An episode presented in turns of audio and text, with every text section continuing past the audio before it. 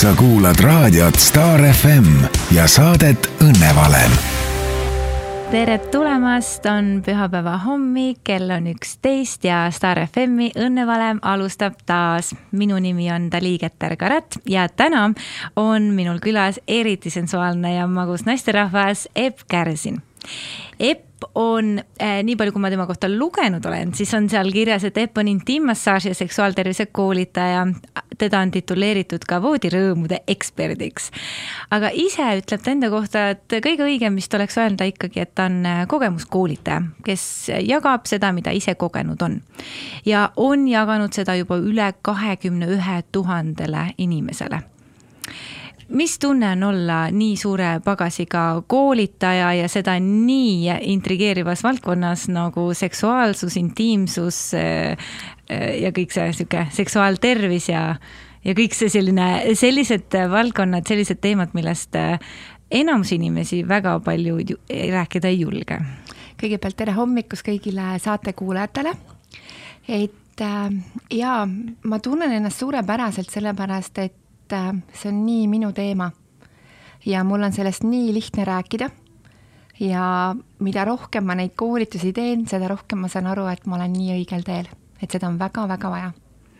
kui sa täna vaatad oma elule tagasi ja ähm, peaksid välja tooma mingid sellised kaks-kolm ähm, hetke, mis voolisid sinust sinu, selle, kes sa täna oled midagi sellist, mis jääb sellest nii-öelda üleüldisest massist silma või mis on niisugused nagu eristuvad hetked, mis sa välja tooksid? sügaval nõukogude ajal meie peremuster kodus oli tohutult äh, lähedane. seal oli vanemate vahel hästi palju armastust, hästi palju kallistusi mul on vanem äh, vend Marek, vanem õde Jaanika ja me kõik saime nii palju lähedust oma vanematelt. Ja ma arvan, et see on kindlasti üks äh, selline tähtis koht minu elus, et kuna ma olen seda oma vanemate pealt näinud, siis ma olen osanud seda hinnata ja kindlasti, mida rohkem ma olen lapsepõlves seda armastust tundnud, seda rohkem on seda sinu sees ja seda rohkem sa saad ka seda endast välja anda. Teiseks on kindlasti hästi oluline see, et minu vanemad on lasknud mul olla täiesti pöörane Nad on äh, väga varakult aru saanud mind kasvatades, et mind ei saanud kuskile raamidesse suruda. kui nad seda üritasid teha, siis see asi läks ikka nii hulluks, et ma olingi neliteist, kui ma kodust minema läksin. ja ega nad väga ei hoidnud ka mind kinni, sest ema on alati öelnud, et kui ta oleks mind kinni hoidnud, siis ta oleks must lihtsalt ilma jäänud. ja kolmas, ma arvan, et on see, et ma olen julgenud äh, erineda, et ma ei ole püüdnud meeldida ja sulanduda kuskile halli massi. ja ma ei karda olla see, kes ma olen. kas see, see oskus ja see julgus erineda äh, on olnud sinuga kogu aeg või see on olnud mingil hetkel, ma ei tea, tulnud sinusse pärast seda, kui sa oled ennast väga palju ära kaotanud või endast väga kaugele läinud? ma arvan, et juba minu sünnimoment oli väga eriline, esiteks see, et ma sündisin kuu aega hiljem. ma olin täiesti potiroheline ja juba sealt sai minu alguse, tema ütles, et sellest tuleb väga eriline laps. nii et äh, jah, ma arvan, et ma olen olnud õnnelik äh, ja vaba oma valikutes. mind ei ole väga palju suunatud, pigem ema on alati püüdnud mind mõista, sest tema moto elus on olnud ka meile, mis ta on edasi andnud, et hästi lihtne on hukka mõista, aga püüa tegelikult mõista. kas äh, sa oled ise endale mingil hetkel teismelise eas ju on äh, inimesed eriti sellised ähm, tundlikud ümbritseva peegelduse osas on ju, või mida me näeme oma eakaaslastelt, mida nemad ütlevad, kõik see, kas sa näiteks teismelise ajal püüdsid ise hakata ennast mingil hetkel massi suruma või ei, kuidagi? ma pean tunnistama, et ma olen ikkagi nii palju, kui ma ennast mäletan, ma olen olnud ikka liider kõik see, mis mina ütlesin, kõik minu järgi tehti. kui minul midagi head oli, kõik tahtsid seda endale saada. et minu maailm pigem on olnud see, mis on mõjutanud teisi, aga mitte halvas mõttes, vaid juba väga varakult positiivses mõttes nii et ma olin alati kas klassi vanem või popp-tüdruk ja nii edasi, et seda tähelepanu, kui oli ka mingisugune kooli kas luuletuste lugemine või oli mingi lauluvõistlus või ma olin alati seal eesotsas ma pole kartnud äh, olla esimene ja juba väikesest peale ma olen selle tähelepanuga nii harjunud olnud. mis hinda sa oled pidanud maksma selle eest? ma samastun sinuga selles mõttes eh, selle nii-öelda ähm, ees olemise osas, aga mina näiteks olen välja ähm, kuidagi mõtestanud endas, et, et, et see hind tegelikult, mida selle ees olemise eest tuleb maksta, on vahepeal päris valus. majakad seisavad alati üksinda. kui me ei kuulu massi, siis me ei kuulu nende hulka, näiteks see kuulumise asi on ju, kas olid, olid sa, kuidas sinul sellega näiteks lood on? mul on olnud äh, kohti küll, kui ma olen olnud õnnetu, eks ju, et kui ma vaatan mõne naise ümber kasvõi, no ma väga vähe kasutan sotsiaalmeediat, aga näiteks sünnipäev ja seal on kolmkümmend, nelikümmend naist ümber ja kõik on sellised, siis äh, minu sünnipäevad on see, et, et äh, ma hoian esiteks oma eraelu hästi privaatsena, võimalikult privaatsena ja ma hoian enda ümber neid inimesi, kes on minu inimesed. minu tutvusringkonnas ei ole nii, et vahetuvad inimesed iga kahe-kolme kuu tagant. minu ümber on inimesed, kes on olnud seal kümme, kakskümmend, kolmkümmend aastat. et äh, ja ma tean, et need on, neid on küll vähe, aga need on minu inimesed ja ma saan neid sada protsenti usaldada.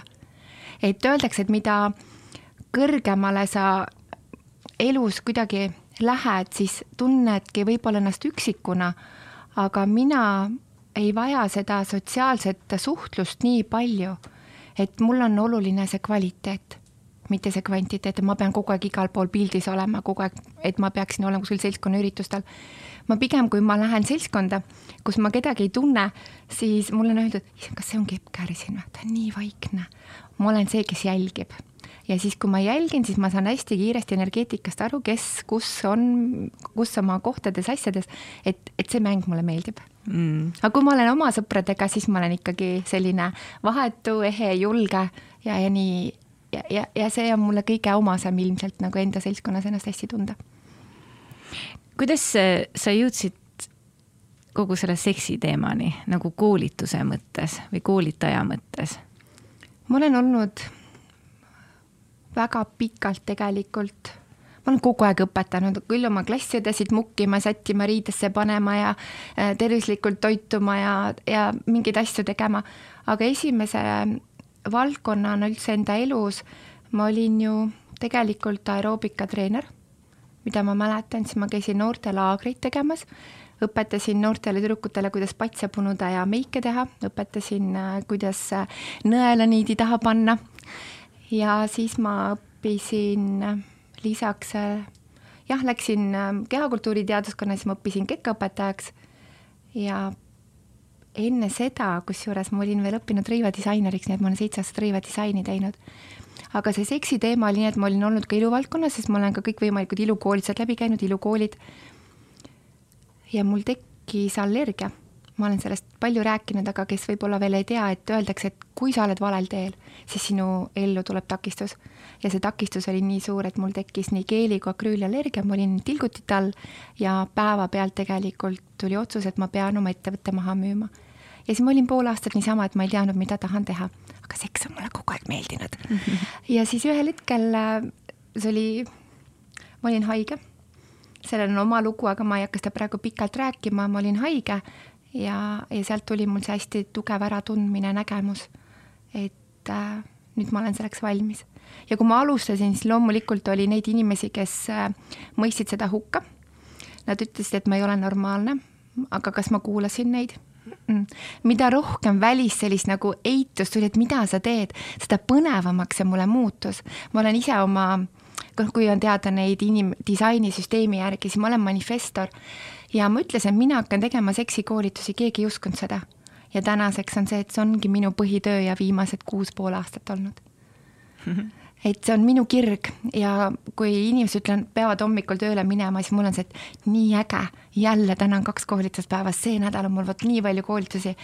et äh, minu missioon on, ma usun, et armastusega päästa maailm, sest need inimesed, kes on minuga kokku puutunud, nad ei ole enam endised nad on ise seda öelnud ja see tundus mulle ka huvitav ja, ja üks asi, mida ma sinuga rääkida tahtsin, et ongi, et sinu missioon on päästa armastusega maailma.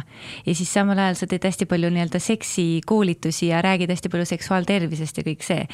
Kas armastus on siis seks või kas seks on siis armastus või kuidas need omavahel kooskõlas sinu jaoks käivad? universum on armastus, universum rääbib, räägib meiega läbi armastuse keele, aga me oleme kaotanud ära kontakti selle eheda, siira, puhta, ilusa armastusega.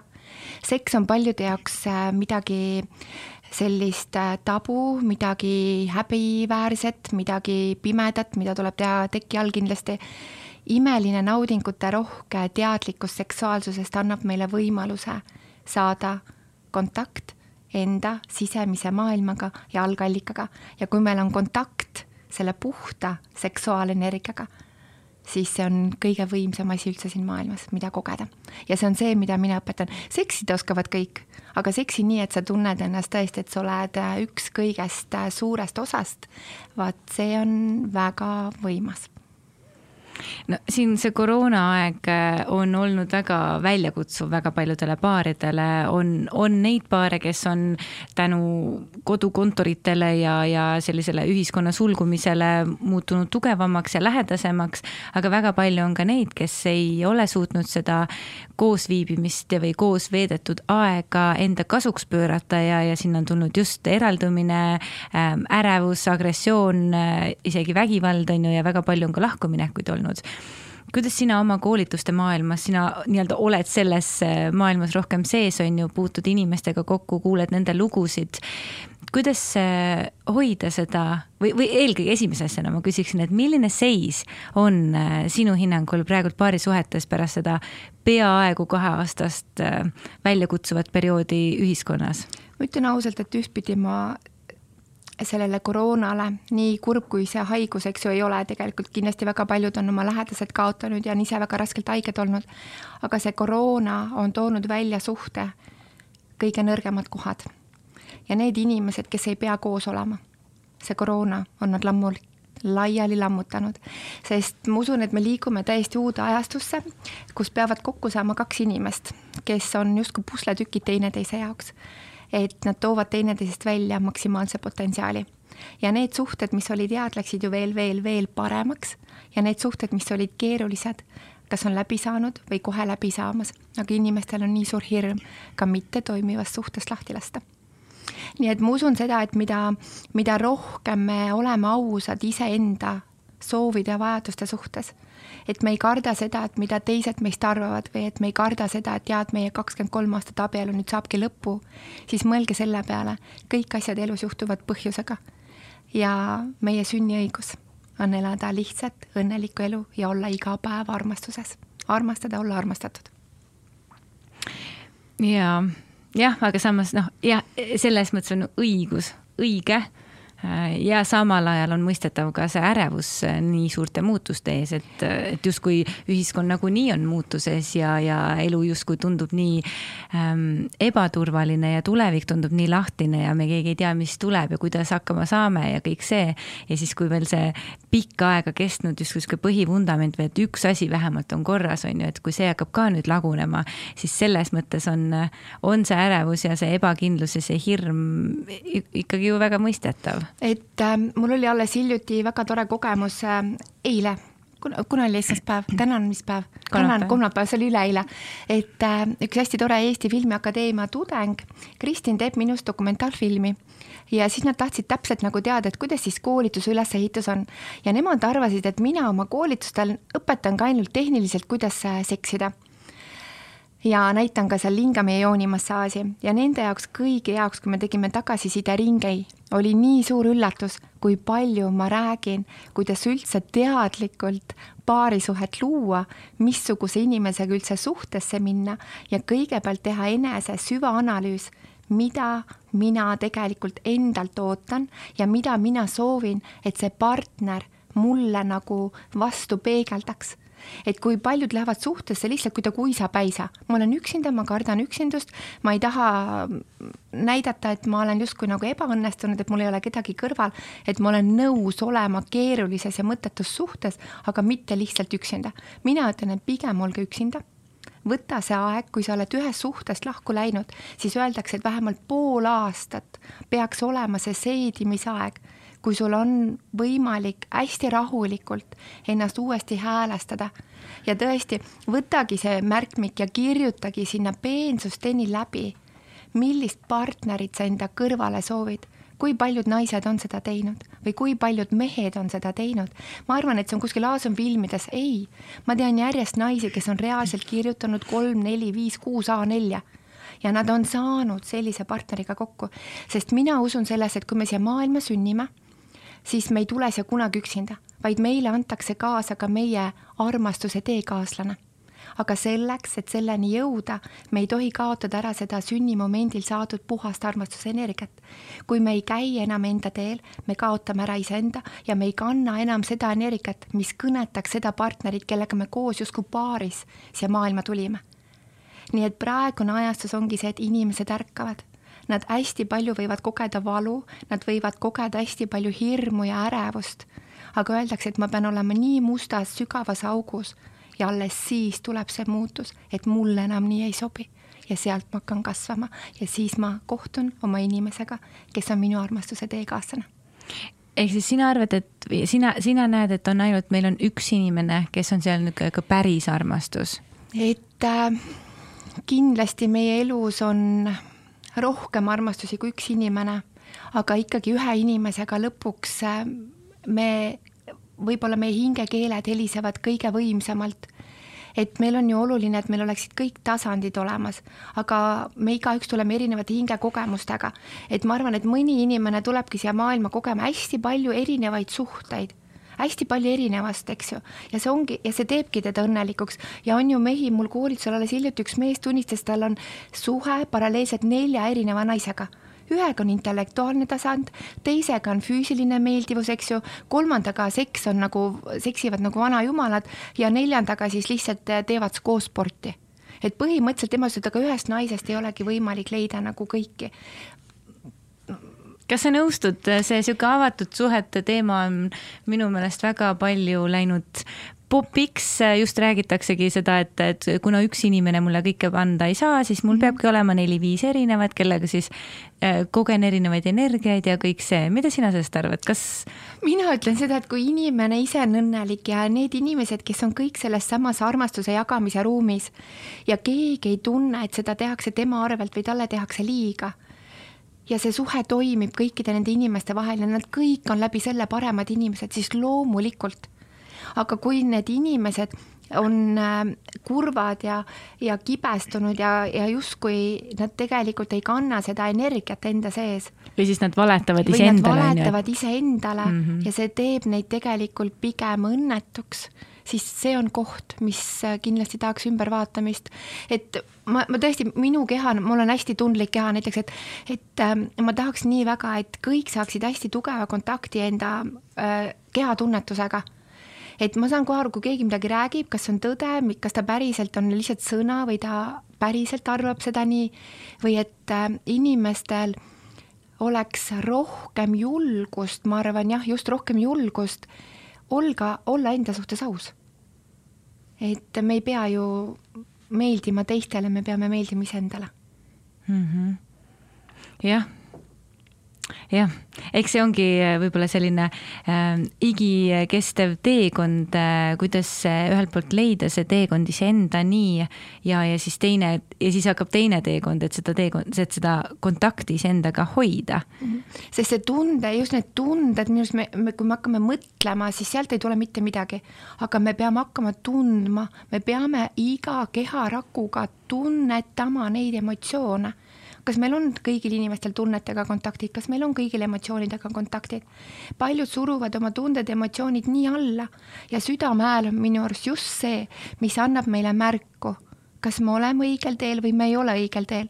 aga kui sa oled nii mõistusinimene, siis see süda on jäänud lihtsalt tasa ja Aga ta ei teegi enam oma häält. kuidas siis äh, teha, anna mõni hea nõuanne või kuidas sina oled seda teinud või mida sa edasi oled õpetanud, äh, näiteks kui meid täna siin kuulajad äh, võib-olla on ka selles mustris sees, et, et hästi palju on vaja mõelda, hästi palju on niisugune ratsionaalsust, selline ähm, niisugune nii-öelda tavaline kiire, kiire, kiire elustiil, kus äh, hommikust õhtuni teeme tööd, õhtul püüame kuidagi need muud asjad kiirelt ära teha, on ju.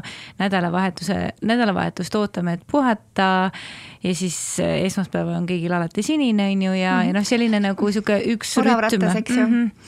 et, et see mõistuse ja südame kontakt on on, on selles rütmis olles ikkagi väga kerge kaduma. ja kindlasti, et esimene asi on vaikus vaikuses olemine.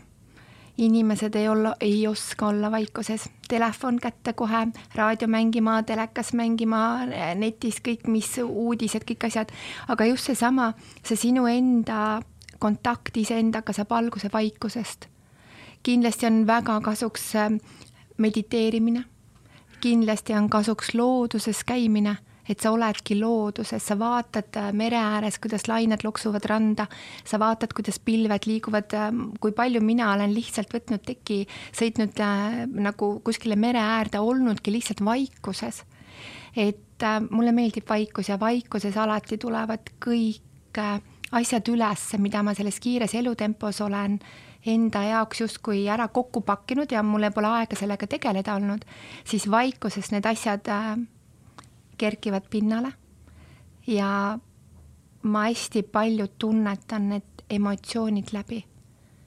aga ma olen hästi tundeinimene. ehk siis, et lubamine ka tunda endal erinevaid tundeid. ja et kõik on, kõik on lubatud, kurbus on lubatud äh,, nutt on lubatud, hirm on lubatud ja, ja ma olengi tänulik, et ma ütlengi näiteks sellist asja, mul kunagi üks väga tore, üks Malle Rüütli Viljandist, üks väga imeline naine, õpetas neid tundeid ümber tegema, et mul oli üks selline väga keeruline eluperiood ja ta ütleski nii, et äh, sa ütled sellele tundele aitäh, et mina tunnen ärevust ma salvestan selle tunde nagu paremasse ajupoolkerra ja asendan selle tunde kerguse ja armastusega. ja mis juhtub? See ärevus, no minu puhul ma ütlen ausalt, see töötab. Ja ma olen oma sõpradele seda, kes on samamoodi öelnud, et ma tead, ma ei saa, see mõte nagu keerleb ja keerleb ja keerleb mu peas. Ja väga palju aitas mind kunagi Ingvar Villido alustas.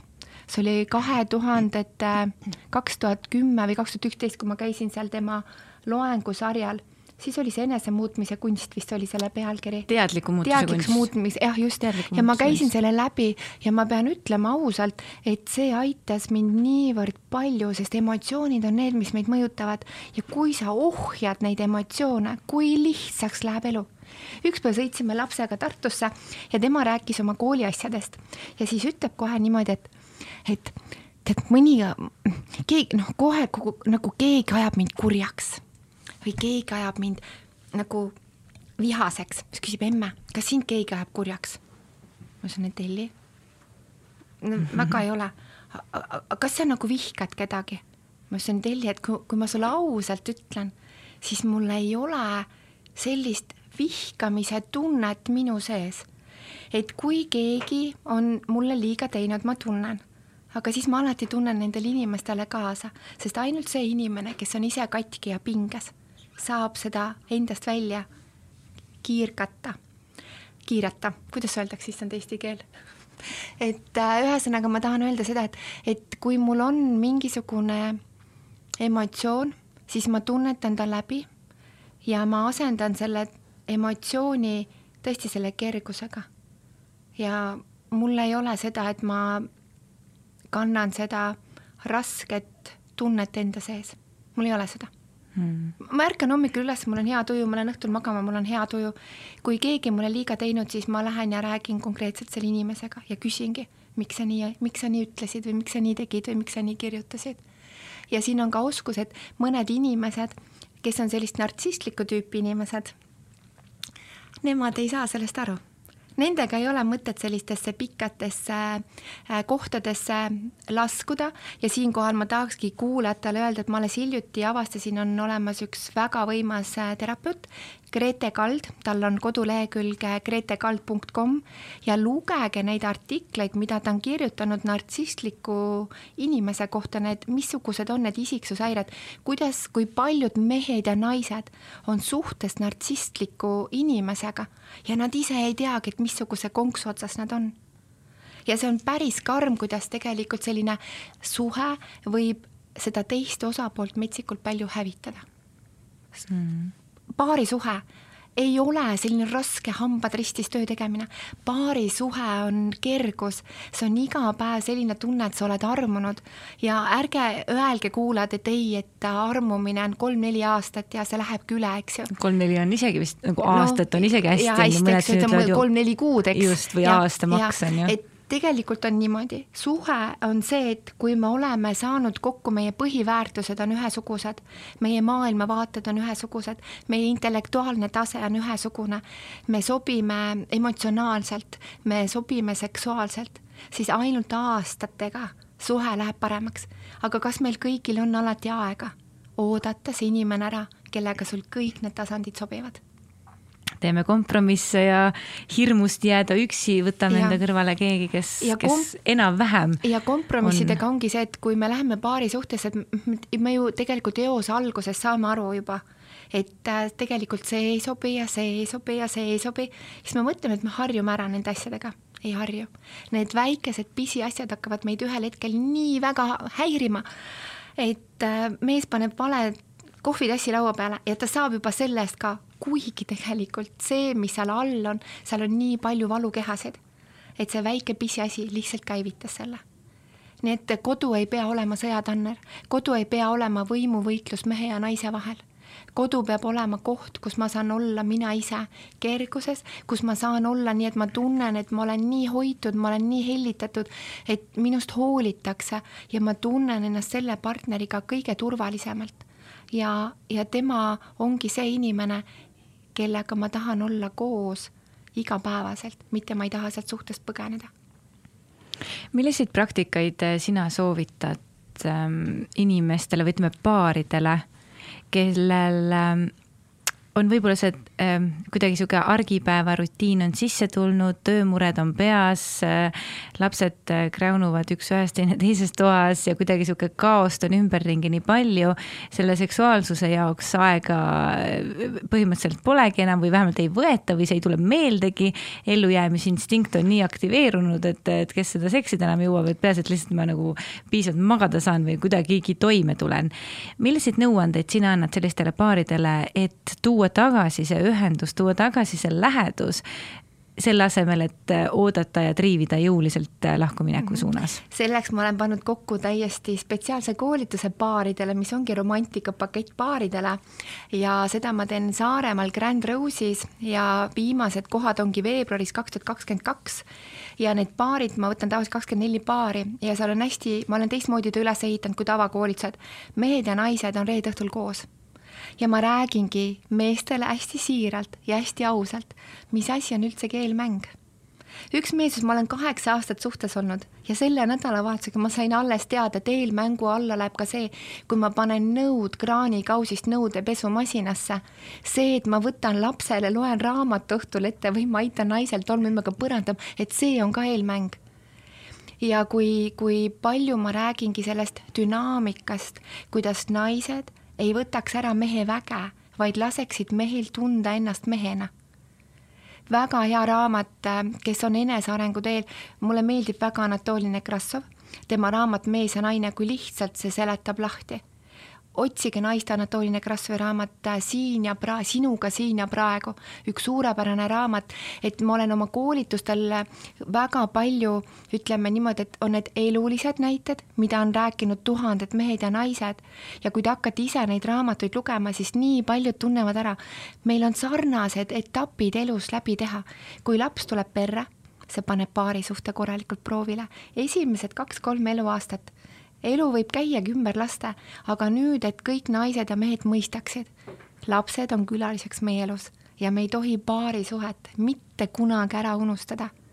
kui paljud mehed on tunnistanud, et viimased kaks aastat on nad maganud äh, suures toas diivani, diivani peal, eks ju, naine magab lapsega magamistoas ja kuna naist kallistada sai temaga koos intiimselt olla, ei mäleta. või siis magavad need pisikesed beebid või ka mitte nii väiksed Just. lapsed juba äh, vanemate vahel, on ju.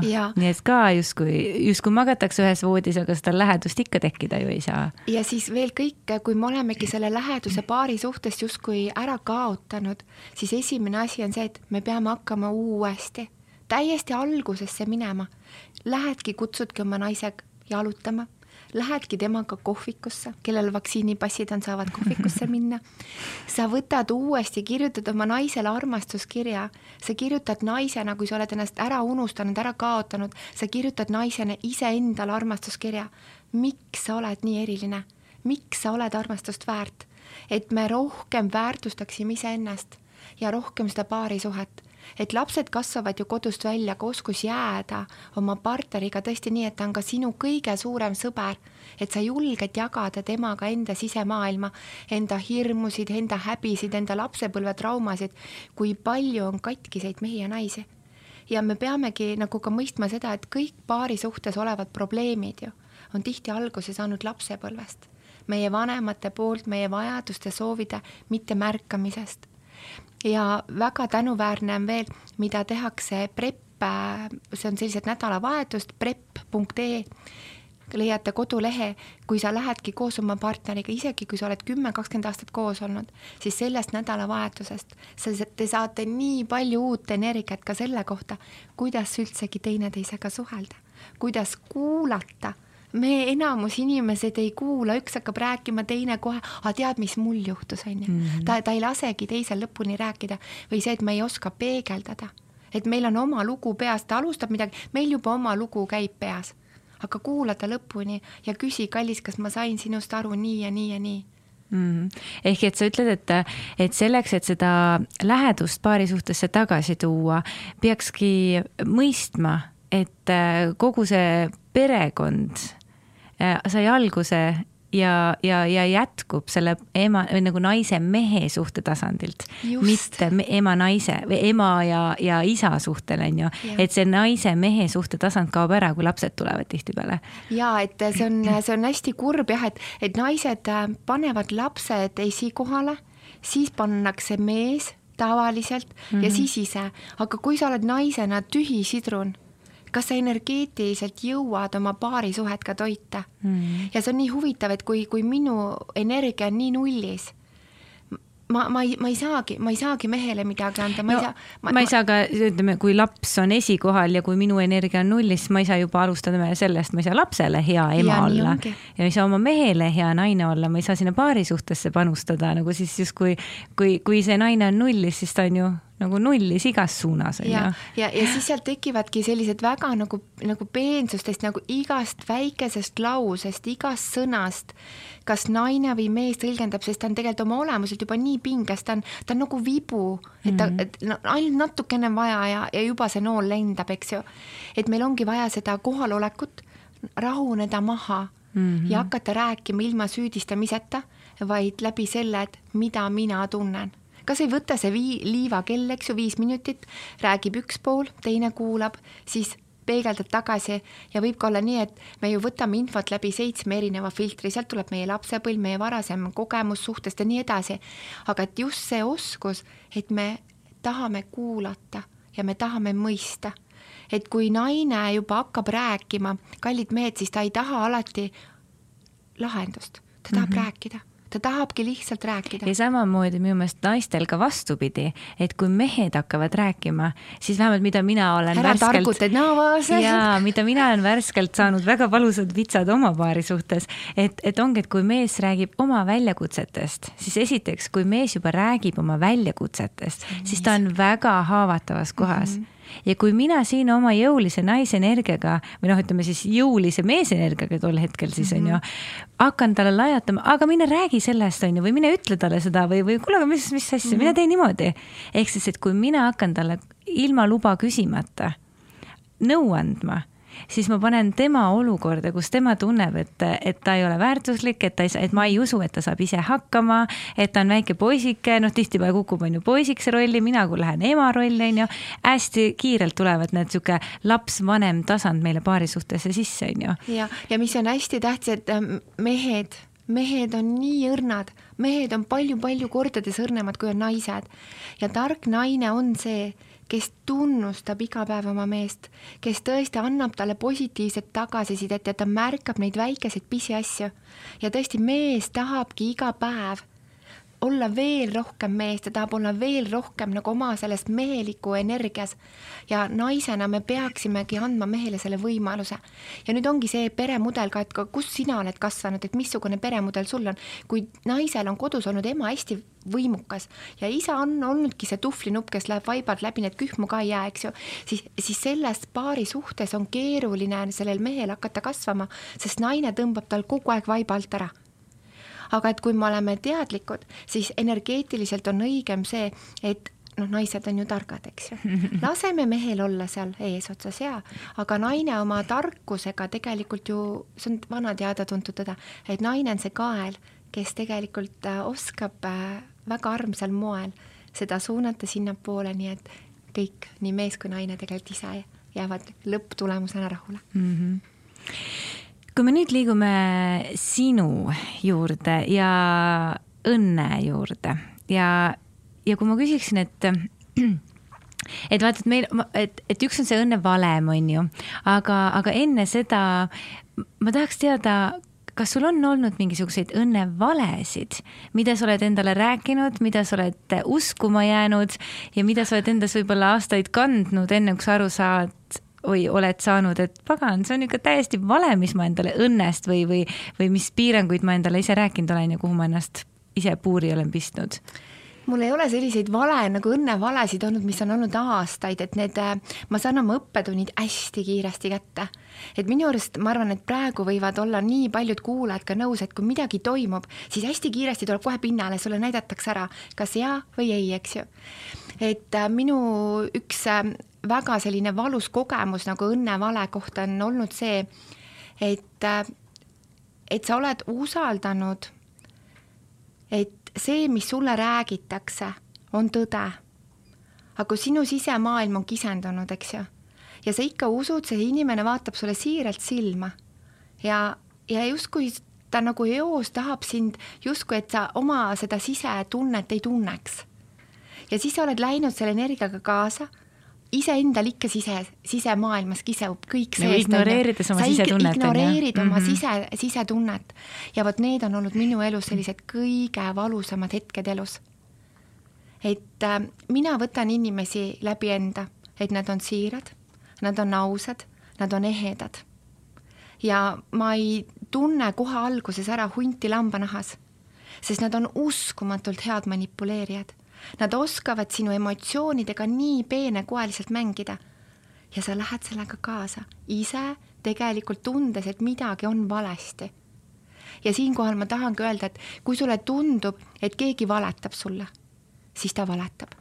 kui sulle tundub, et keegi ei räägi tõtt siis ta ei räägi tõtt. kui sulle tundub, et keegi sind ei armasta, siis ta ei armasta sind isegi. või siis seal vahe, või siis seal on midagi, on ju, kus suitsu, seal tuld. jaa, täpselt nii ongi mm -hmm. see, et seal, kus suitsu, seal tuld, nii et äh, ma siiralt soovin, et usaldage oma esimest seda tunnet, mis teile tuleb selle inimesega seoses, kellega te suhtlete mm. -hmm. ärge eirake seda, ärge laske minna sellel nagu nii pikalt lohisema, sest mida pikemalt sa iseendaga sisemaailmas riius oled seda valusamalt sa vastu näppe saad.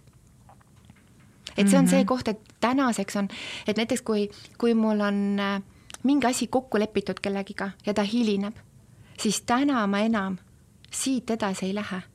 et kui on öeldud, et ta tuleb kell kaksteist, siis ta tuleb kell kaksteist, mitte kaksteist viiskümmend kaheksa. kui sul juhtub midagi ja kui sa helistad, et ütled, tead, kallis, ma hilinen või, või, või mul tuli midagi vahele, jaa, siis on see okei okay., aga kui sa ilmud tund aega hiljem välja ja tehes lihtsalt, et siis on see, et aga miks sa ei väärtusta mind. et kõige olulisem minu arust ongi siin elus, et me õpiksime iseenda piire kehtestama, et meil kõigil oleksid oma piirid. ja et me õpiksime ennast väärtustama ja kui meil on äh, piirid paigas, siis paari suhtes saab olla palju suurem lähedus, intiimsus, emotsionaalne side kui see, kui meil piire pole siis me kogu aeg sõidame teineteisele sisse ja pigem pidevalt on selline pinge õhus. et seda pole tegelikult vaja. et minu õnnevale on olnud siis see, et ma pole kuulanud alati enda sisetunnet mm. -hmm. Mm -hmm. ja, ja kui ma küsin nüüd, et äh, mis on sinu õnnevalem, mis sind täna õnnelikuks teeb? minu pere, minu jaoks on hästi oluline minu suhted minu lähedastega ja minu sõpradega ma, ma tõesti eranditult, ma hoian metsikult oma sõpru, ma armastan neid metsikult, et need, kes on minu lähedal, need on minu inimesed, et ma olen nagu ema lõvi. Mm.. kui keegi neile liiga teeb, siis see on see koht, eks ju, või kui kellelgi on raske, siis ma isegi ma, ma kohe tahaksin minna aitama, ma, ma kohe tahaksin, et tal oleks jälle kõik hästi. et, ähm, et minu õnnevalem on see, et minu ümber on tugevad sõprussuhted ja minu ümber on tugev perekond, neid on vähe, aga need, kes on, need on tõelised. kui palju sinu jaoks äh, õnn peitub äh, edus või, või kuulsuses või rahas? minu, kes, alles äh, üks päev, see oli vist tegelikult jah, üks päev tütar küsis, emme, mis tunne on olla Epp Käri siin? ma ütlesin, Elli, mis küsimus? Nad kõik ju räägivad sinust ja kõik, ma ütlesin, tead Elli, ma, ma ei mõtle selle peale päriselt iseenda jaoks ma, ma, ma ei, ma teen seda, mis mina täna teen, ma ei hakanud ju seda tegema sellepärast, et äh, olla kuulus. ma hakkasin seda tegema sellepärast, et see on minu kirg. see on see, mis paneb mul silma särama ja ma näen läbi nende tuhandete inimeste üks energia, kuidas nad tulevad. Ja kuidas nad ära sealt lähevad, nad oleks nagu valgustunud ja, ja see armastuse, see energia, see kannab neid edasi. Ja samamoodi annavad nemad selle omakorda edasi et ma olen äh, sellel teekonnal põhjusega, et ma ise siiralt usun, et armastuse vibratsioon on kõige puhtam, kõige siiram ja kui me oleme armastuse energias, nagu ma ütlesin ka, et universum kõneleb meiega läbi armastuse, siis elu annab meile nii palju imelisi kingitusi. oska ainult vastu võtta ja oska olla alandlikult tänulik.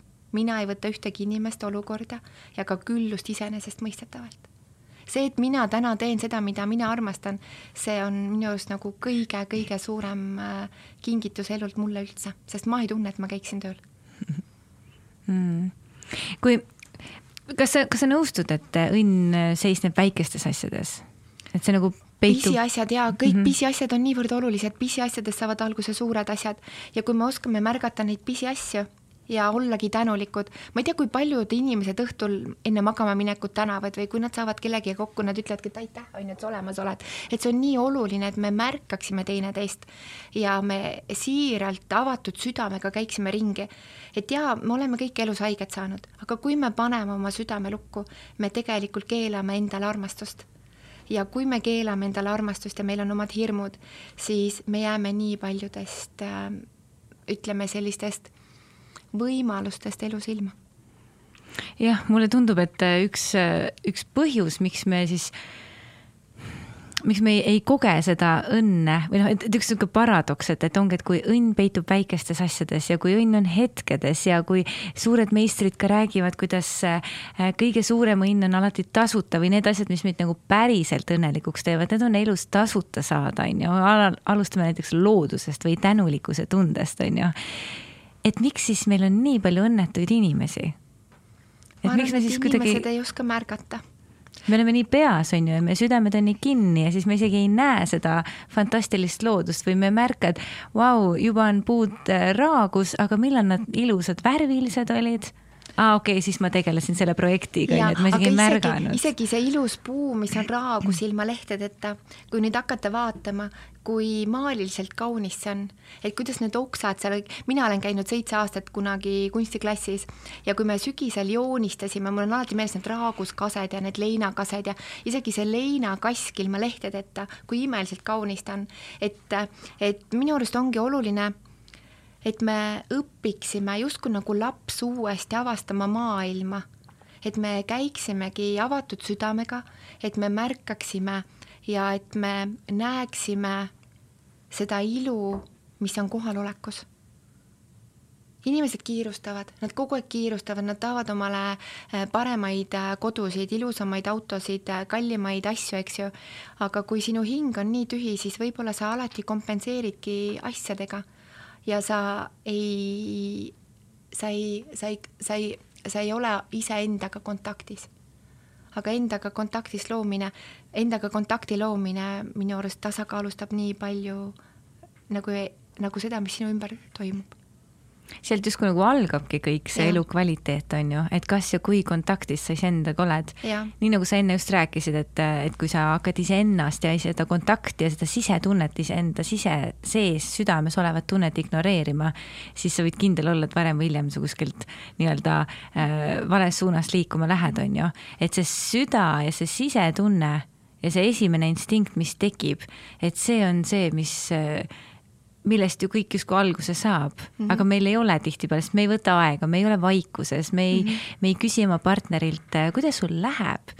me ja räägime. kuidas sul nagu päriselt Jah, läheb, et jah. kuidas sina ennast tunned, kallis Jah., kuidas läks sinu päev?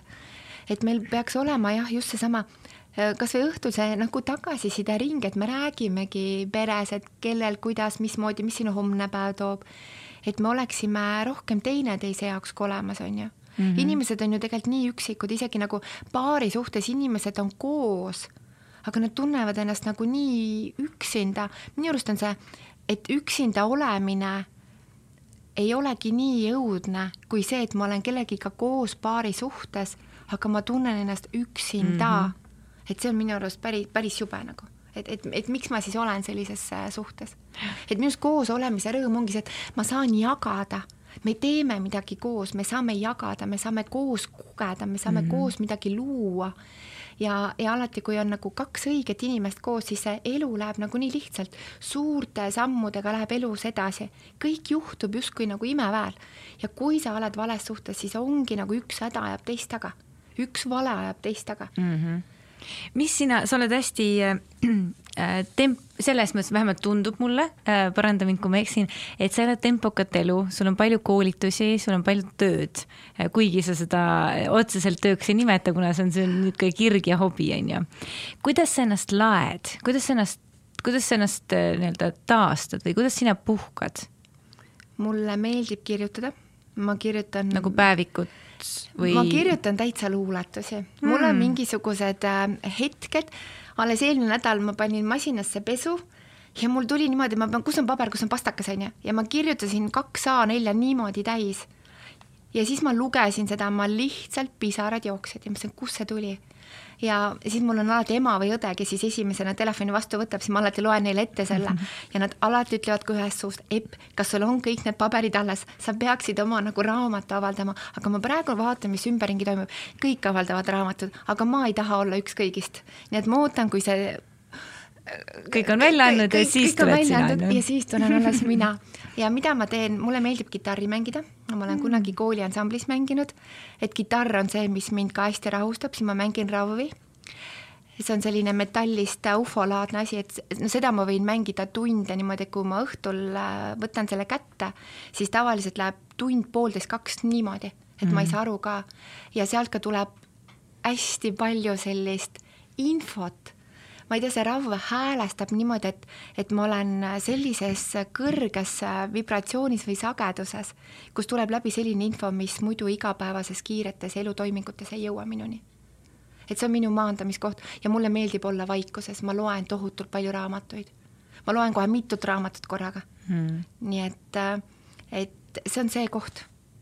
ja mulle meeldib tantsida ma tantsin kodus üksinda ka, muusika põhja üksinda rokin sajaga, mul on täiesti kamagaks. et, et mida naabrid arvavad, siiamaani keegi koputanud ukse peale veel ei ole tulnud, aga et muusika. keegi ei julge tulla, nad kardavad, et sa oled alasti seal. ei, mul on olnud seda niimoodi, et on pakk tulnud ja siis ma jooksen vannitoas käteridega ümber, et kas jaa, palun, eks ju, et mul ei ole, isegi kui sünnipäev on olnud, siis vahest on see, et külalised jõuavad varem kohale, siis ma ei häbene ennast, mul on kõik endaga väga hästi mis sinu nõuanded oleksid inimestele, kuidas äh, elavdada oma seksuaalelu, mismoodi tuua läbi seksi siis seda õnnelikkust oma päevadesse, oma ellu, kui armastus päästab maailma ja kui läbi seksi me saame kontakti selle sügava puhta armastusega ja armastus teeb meid ka õnnelikuks, siis järelikult sellest võib öelda ka, et seks teeb meid ju õnnelikuks. millised on sinu nõuanded äh, praegu meie kuulajatele? See seks on lihtsalt imeline. aga kas meid on õpetatud seksima? ei ole. ja näiteks on nii paljud naised ju, kes ütlevad, et, et nad ei saa magamistoas naudinguid. Nad, nad ei teagi, kuidas, kuidas nagu sinna jõuda. et mitte, et ma reklaami teeksin, aga lihtsalt, mis on kõige populaarsem koolitus lisaks suuseksi koolitusele viimastel, viimastel ütleme, kuudel on Naine tunne oma keha, kus naised kirjutavad tagasiside, Nepp, ma polnud kunagi saanud mitte ühtegi orgasmi peale koolitust Naine tunne oma keha. ma julgengi ennast puudutada ja ma julgen oma partnerit suunata. mehed, need nagunii, eks ju. aga kui naine saab selle teadlikkuse ja ta ütlebki magamistoas, kallis, ma soovin, et sa teed mulle ette pool tundi üldmassaaži. kallis, ma soovin, et sa silitad mu rindasid hästi aeglaselt ja rahulikult. ja kui naised julgeksid magamistoas suu lahti teha siis see maailm muutub palju paremaks paigaks. see ei ole see, et ma pean seksima sellepärast, et mees tahab, vaid ma tahan seksida sellepärast, et mulle endale seks meeldib. et peale seksi kõik see õnnehormoon, serotoniin, oksüdotsiin, naised noorenevad, nende nahad lähevad prinki, juuksed hakkavad paremini kasvama, nende ainevahetus kiireneb, nende keha läheb ilusasti toonusesse. ma võiksin selle kohta nagu terve pika-pika raamatu kirjutada, mida annab meile hea paarisuhe ja mida annab meile hea seks. hiinlastel on vanasõna, hea seks teeb meid terveks ja õnnelikuks, kehv seks teeb meid haigeks ja õnnetuks. paavst Franciscus isegi ütles, et jumalate kingitus inimestele on seks aga kas jumalad õpetasid meid seksima, nagu nad ise teevad mm? -mm, seda õpetan mina ehk et me, et me justkui arvame, et me seksime, aga tegelikult on see sihuke lapse kingades äh, niimoodi äh, tasakaalu Jaa, hoidmine. kui ma küsin naiste käest koolitusel, kallid naised, kas te teate, mis on kõikide orgasmide kuninganna?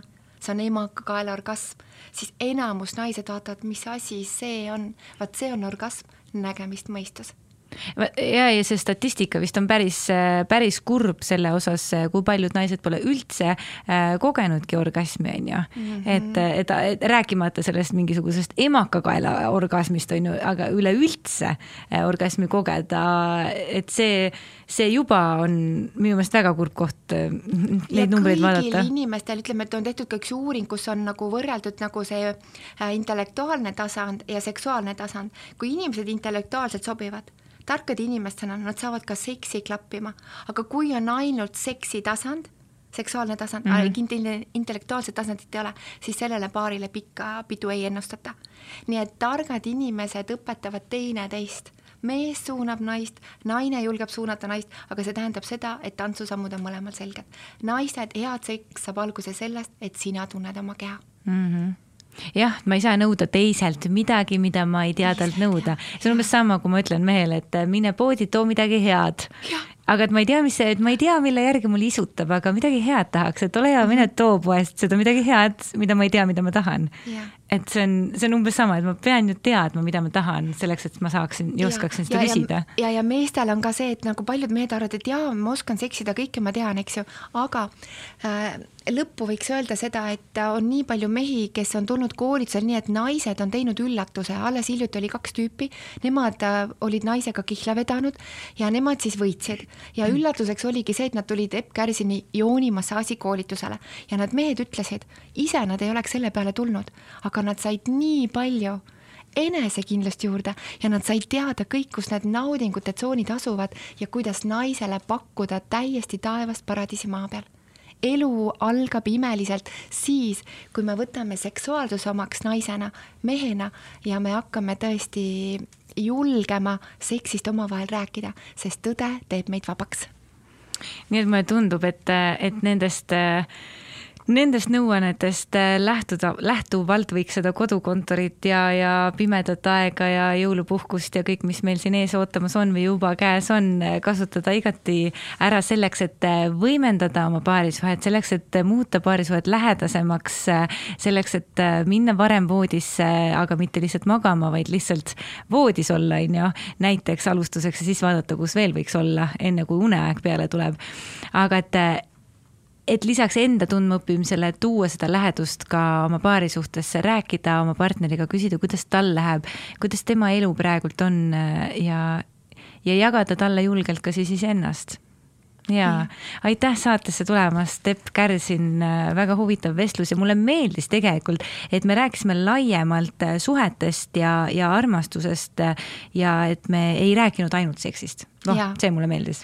aga kellel on huvi minu koolituste vastu, siis eppkarsin.com leiate selle kohta info, aga selleks aastaks on kõik välja müüdud, nii et mm. veebruar kaks tuhat kakskümmend kaks on viimased kohad, nii et varsti tuleb märts müüki. mina soovitan kõigile, et armastage, olge armastatud ja elu on imeline jah, suurepärane ja mina omalt poolt ütlen siia juurde, et äh, märgake õnnehetki, olge õnnelikud ja võtke vastutust isikliku heaolu eest. aitäh kõikidele kuulajatele ja kohtume kuulmiseni, me ei kohtu, vaid me kuulame, kuulmiseni ikkagi järgmisel korral uus raadiosaade Õnnevalem on eetris igal pühapäeval üheteistkümnest kaheteistkümneni. saated on järelkuulatavad Raadio Star FM kodulehel.